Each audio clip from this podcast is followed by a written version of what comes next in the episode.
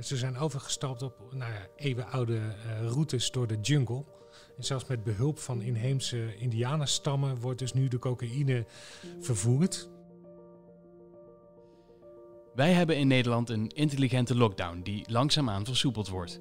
In andere landen zijn de restricties vaak veel strenger. Een beroepsgroep die zich daar helemaal niks van aantrekt is de internationale kookhandel. De business is booming, misschien zelfs wel dankzij de coronamaatregelen. In Achter het Verhaal ga ik, Kevin Goes, in gesprek met de makers van de verhalen in onze krant. Deze week praat ik met misdaadverslaggever Koen Voskuil. Samen met collega's uit Italië en Zuid-Amerika deed hij onderzoek naar de florerende drugshandel. Ja, collega's uit Italië, Zuid-Amerika, hoe uh, hebben jullie elkaar gevonden? Ja, dit, dit zijn collega's uit een, uh, die zich hebben verzameld in een uh, internationaal onderzoekscollectief. als het gaat om misdaad Um, de, de, Italiaanse collega's die kende ik al van eerdere onderzoekingen naar uh, de Italiaanse maffia. Dus daar hebben we elkaar gevonden. En uh, zij maken deel uit van het onderzoekscollectief dat oorspronkelijk in uh, Zuid-Amerika is gestart. Oké, en, en dat, die, die, die volgen zeg maar, de route van de drugs? Ja, vanuit al die landen. Dus dan heb je het over uh, de bronlanden, maar ook de landen in Europa waar het uh, binnenkomt. Daar hebben ze allemaal lokaal verslaggevers uh, onderzoek laten doen. ik heb dat gedaan voor Rotterdam en Antwerpen. er was ook een collega in Spanje die het daar heeft gedaan. En zo hebben we wereldwijd een aardig plaatje bij elkaar kunnen krijgen. Ja, nu zit jij op twee leuke havens meteen. Want Rotterdam en Antwerpen, daar komt genoeg binnen. Ja, ik denk dat wij eigenlijk de twee ergste havens uh, van Europa hebben. Uh, de afgelopen tijd zijn nou, meer dan, uh, voor meer dan 15.000 kilo aan cocaïne in beslag genomen. maar vlak Spanje ook niet uit. Daar zien ze echt een flinke stijging van het aantal inbeslagnames. ze hebben in twee maanden tijd 14.000 kilo. en dan hebben, we, dan hebben we het dus over de afgelopen twee maanden, de coronatijd. Ja, ja alleen de coronatijd. Dus meer, is het dan meer dan normaal? Ja, in Spanje is het 60% meer dan normaal. Uh, wat hier precies het uh, uh, percentage is, dat weet ik niet uit mijn hoofd. Maar het is wel opmerkelijk dat er achter elkaar hele grote drugsvangsten zijn gedaan. Dus vaak van 4000 kilo of meer. Nu ligt de normale handel ligt eigenlijk vrijwel stil hè, tussen grote landen. de globalisatie is eventjes stilgezet, maar dat valt bij de drugshandel dus wel mee. Ja, ja. Uh, ook de drugshandel die heeft uh, moeten wennen aan de coronacrisis en alle quarantainemaatregelen. Er is een verhaal van een, uh, een, een maffialid uit Gioia Tauro, dat is de Italiaanse haven. En die zat met een pakket van 536 kilo cocaïne. maar die kon dat niet naar Noord-Italië brengen, waar dat normaal gesproken dan verspreid wordt in de rest van uh, Europa. Dus hij dacht, nou ja, goed, dan uh, pak ik een schep en dan uh, begraaf ik het in een citroenplantage. Mm. Alleen die had niet rekening gehouden met al die lockdown-maatregelen. Want zo'n autootje dat daar op en neer rijdt, dat was opgevallen bij de politie. Die zijn hem achterna gereden en die zagen hem ja, 150 pakketten geperste witte cocaïne begraven. Dus die staat een aardige gevangenisstraf te wachten. Um, dus hè, ook de georganiseerde misdaad loopt nu tegen zaken op. Uh, de grenzen zijn niet zo open als normaal in Europa. Dus het vervoer is uh, lastig. Um, maar ze weten al heel snel uh, nieuwe wegen te vinden. En um, ja, met name ook in de bronlanden. Precies, want, want wij hebben hier inderdaad hele strenge restricties. Is dat in al die landen ook zo? We hebben het over Peru, over Bolivia, Colombia, Mexico. Ja, ja, je kan wel zeggen dat die landen behoorlijk op slot zitten. Uh, hele gemeenschappen die, uh, die barricaderen hun uh, stad of dorp met auto's. en om maar vreemdelingen buiten de deur te houden. dus de, de angst ook voor de verspreiding zit er daar behoorlijk in. En ehm, ja, wat je ziet in de verschillende landen is wel een gemengd beeld. Maar ze hebben wel degelijk moeite om um, nou ja, eh, om de cocaïne te vervoeren, maar ook om de halffabrikaten, de coca-pasta te vervoeren, maar ook de grondstoffen die nodig zijn om uh, cocaïnepoeder te maken. Dus bijvoorbeeld benzine en uh, aceton. Ja. En ja, als we die um, de drie producerende landen langslopen, dan zie je in uh, Peru dat waar normaal gesproken 20% van de cocaïne wordt geproduceerd, daar is de productie vrijwel stilgevallen. En, we spraken een veiligheidsanalist en die zegt wat drugsbestrijders al jaren proberen, dat is het coronavirus in enkele weken gelukt. Maar dat geldt dan weer niet voor uh, een land als Bolivia, dat 10% van de cocaïneproductie uh, voor zijn rekening neemt. Um, daar vinden ze wel wegen om dat transport door te laten gaan. Maar dan kunnen de autoriteiten juist niet zo goed meer het uh, land door. Okay. Dus de controle op um, cocaïneplantages is daar niet heel geworden. Dus daar wordt juist een hele grote groei verwacht. Ja, veel meer productie. Ja, ja. En dan Colombia, dat is het, het kookland van de wereld. Ja, zeker. Nog steeds. 70% van de kookproductie komt daar vandaan. En daar zie je ook een gemengd beeld. Uh, in eerste instantie waren er wel wat problemen om uh, cocaïne en de halffabrikaten en de stoffen om die uh, te vervoeren. Daar zitten dus ook echt hele gemeenschappen snoeidicht. Um, wat ze ook vaak gebruikten voor het transport was snelle speedboten of vissersboten of zelfs onderzeeboten. Uh, nou, dat loopt nu allemaal te veel in de kijker. Dus uh, ze zijn overgestapt op nou ja, eeuwenoude uh, routes door de jungle. En zelfs met behulp van inheemse indianenstammen wordt dus nu de cocaïne vervoerd. Dat gaat een stuk langzamer dan normaal. Maar, zegt een um, lid van het grootste kartel, het golfkartel in Colombia... we hebben nog tienduizenden kilo's onder de grond liggen. Maar dat is een beetje, als je Narcos, Narcos gekeken hebt, hè, die serie, dan zie je, ze zijn altijd wel vindingrijk. Ze vinden wel iets erop. En dat is hier dus ook weer het geval. Ja, zeker. En uh, dit zijn organisaties natuurlijk, die beschikken over uh, ja, honderden miljoenen, zo niet miljarden. En uh, ze hoeven geen belasting te betalen, dus dat ligt gewoon allemaal cash begraven.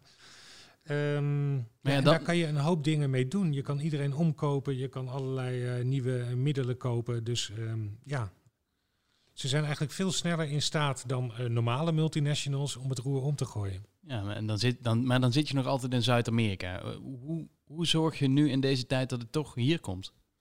Nou ja, als je de supermarkt ingaat, dan zie je nog steeds uh, de bananen in het uh, ja, de ouderwetse bananendozen. En uh, dat zijn de, de fast-moving consuming goods. dat zijn bederfelijke goederen. Dus dat moet meteen eigenlijk vanaf de boot moet dat weer het land op. En ehm, dus daar is de controle ook iets minder op want anders zouden die producten bederven. Daarom wordt daar gebruik van gemaakt, uh, met name fruit uit Zuid-Amerika. Uh, ja, en uh, daar kunnen ze het nog steeds op laten meevaren. Um, wat wel zo lijkt te zijn, is dat ze iets minder um, ladingen versturen, maar dan wel groter. Oké, okay. dus daarom zijn de vangsten dan ook groter? Ja, precies. Ja, inderdaad. Um, ja, wat ook een, een uh, signaal was in uh, Rotterdam. We spraken onlangs uh, Fred Westerbeke, de nieuwe politiechef van Rotterdam. En die had het erover dat er steeds meer uithalers worden gesignaleerd op de, in de haven. Dat zijn dus mensen die, die slapen soms in vrachtcontainers mm -hmm. op de haven. Zodat ze heel snel naar een bepaalde container kunnen gaan, daar de drugs uithalen en die veilig kunnen stellen. En uh, ja, de afgelopen weken, in de coronaweken, zijn er juist meer van dit soort uithalers gearresteerd. Dus ze, ze kunnen het soms niet koppelen aan een uh, uh, cocaïnevangst, maar ze weten wel dat die jongens daar niet voor niks rondlopen. Maar het kan dus zelfs zijn dat er nu meer de haven inkomt dan ja, de activiteit lijkt zelfs wat groter dan normaal, klopt. Is er veel behoefte aan dan nu? Ja, dat is heel moeilijk te meten. Uh, ik heb wel gesproken met drugsonderzoekers en die zijn daar wel mee bezig om uh, enquêtes en dat soort dingen uit te zetten. Uh, maar dat beeld is nog niet heel erg compleet. Um, als je wel kijkt naar bijvoorbeeld het dark web, waar mensen nu hun um, drugs bestellen. Veel meer gaat via de post, hè, want zo'n hmm. dealer in de straat, dat valt, dat valt ook ineens op. op. Ja. Um, dus veel meer gaat via uh, online bestellingen of uh, via Telegram bijvoorbeeld, uh, een app op de telefoon. En daar zie je wel speciale corona-aanbiedingen. Dus als je dan meerdere grammen in één koopt, dan krijg je zoveel procent korting. Of ze schermen met de zuiverheid van de cocaïne. Dus um, ja, ik heb het idee dat het thuisgebruik toch gewoon doorgaat. Ja, en de verdeling in Europa dan. Eh, kijk, het komt in, in Antwerpen of in Rotterdam of in Spanje dan binnen. Maar het moet ook in landen als Italië terechtkomen of uh, in het Oostblok. Hoe, hoe gaat dat? Nou ja, daar ligt dus wel een uh, probleem. Um, we hadden natuurlijk volledig open grenzen. Ik weet nog een anekdote dat de Italiaanse maffia, die heeft in Nederland in een bordeel gevierd dat de grenzen open gingen. Want dat was voor hun een geschenk uit de hemel. Toen hebben ze een hele nacht met uh, de Cosa Nostra en de Ndrangheta en de Camorra samen uh, gesnoven in een uh, bordeel. Nu zijn die grenzen in ieder geval deels op slot gegaan. in ieder geval, er is veel meer controle aan de grens. Dus daar moeten ze andere manieren voor vinden. Er zijn signalen bijvoorbeeld dat ook hier oude smokkelpaden weer in gebruik worden genomen. Ja, hoe dat precies zit. Ja, we hebben hier geen inheemse indianenstammen. Dus hoe, hoe, hoe gaat dat dan in zijn werk, zo'n zo'n zo'n smokkelpad van, van Nederland naar België bijvoorbeeld? Ja, nou goed, daar heb je natuurlijk de oude Brabantse uh, smokkelroutes, die uh, ja, ook al uh, 100 jaar oud zijn. Um, hoe dat precies zo gaat, dat weten we ook nog niet exact. We hebben wel gesproken met politiemensen, met rechercheurs. En um, die zeggen, ja, we, hebben signalen, maar we kunnen er ook nog geen vinger op leggen. Maar ze gaan er wel van uit dat er razendsnel nieuwe wegen gevonden worden. Wat doet het met de waarde van de kook? Gaat hij nu omhoog? Is het duurder? De straatprijs lijkt nog niet uh, te verschuiven. Uh, sowieso zie je eigenlijk dat hij al jarenlang uh, gelijk blijft. In Nederland is dat 50 euro voor een gram.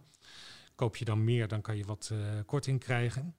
En uh, dat is ook wel een belangrijk uh, gegeven voor de handel, want dat geeft stabiliteit. Mm. En uh, ze zien wel dat. Um, het fluctueert dus niet zoals de olie bijvoorbeeld. Nee, nee zeker niet. Um, er wordt ook wel gesproken over kartelafspraken hè, in de cocaïnehandel. dat je hebt dan ook de, behalve de straatprijs, heb je de groothandelsprijs. De prijs van een kilo cocaïne. En uh, die willen ze ook niet te laag hebben, want dan zijn de marges niet meer uh, hoog genoeg. Dus uh, er worden echt kartelafspraken gemaakt. Niemand gaat daaronder, of anders krijg je problemen met rivaliserende bendes. Hmm. Vandaar het kartel. Ja, ja en je ziet nu wel dat die groothandelsprijs iets stijgt. Dat zeggen Italiaanse onderzoekers. Ja, en dat wijst er toch op dat het allemaal iets meer moeite kost om dat spul hier te krijgen. Ja, nu, uh, nu werk jij samen met, met Zuid-Amerikaanse uh, journalisten. Ja, ik denk dat het voor hun ook wel soms een, een kwestie van leven op dood is om dit soort verhalen te onderzoeken. Ja, het is daar heel anders werken. Um, ja, je moet ook niet vergeten dat in Nederland ook uh, alles een beetje opschuift. Hè?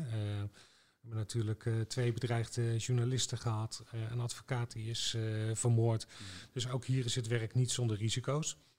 Ja, het is nog steeds niet te vergelijken uh, met situaties zoals in Colombia of met name Mexico.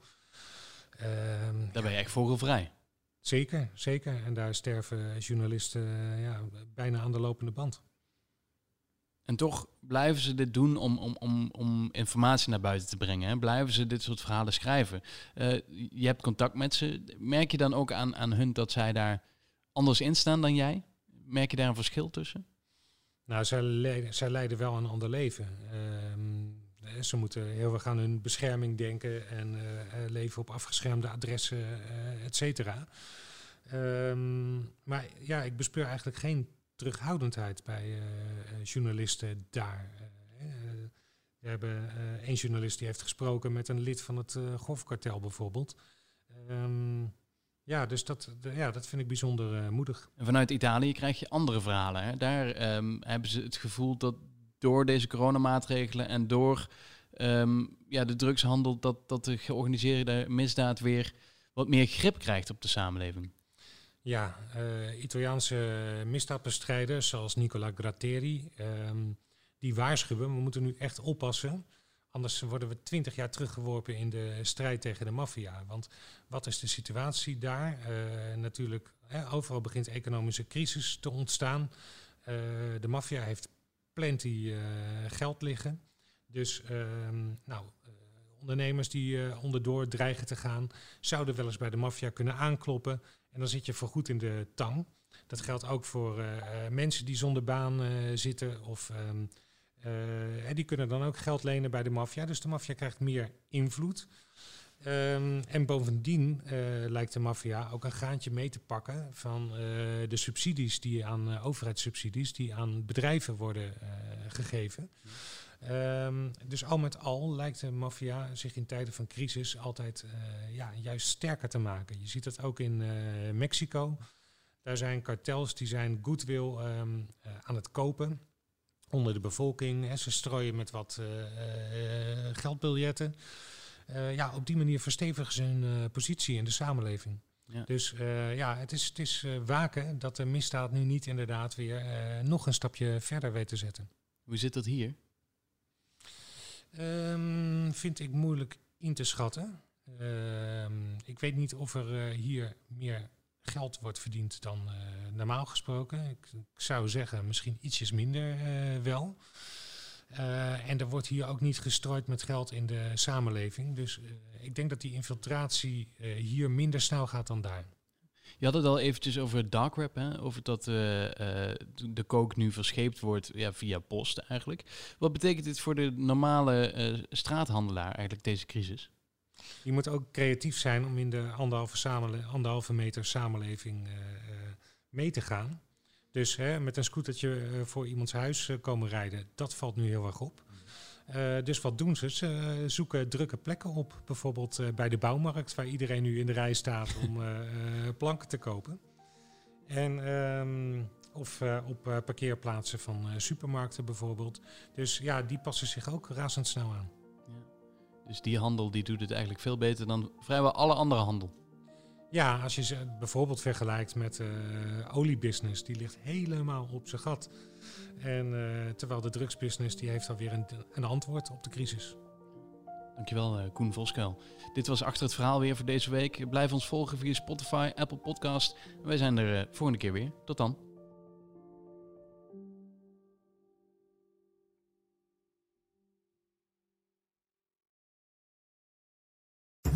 Worden dagelijks overladen met overbodige informatie. En het is moeilijk de zin van de onzin te scheiden. Daarom vertrouw ik op echte journalisten in plaats van meningen. Een krantenmens heeft het gemakkelijk. Word ook een krantenmens en lees je favoriete krant nu tot al zes weken gratis. Ga snel naar krant.nl. Bezorging stopt automatisch en op deze actie zijn actievoorwaarden van toepassing.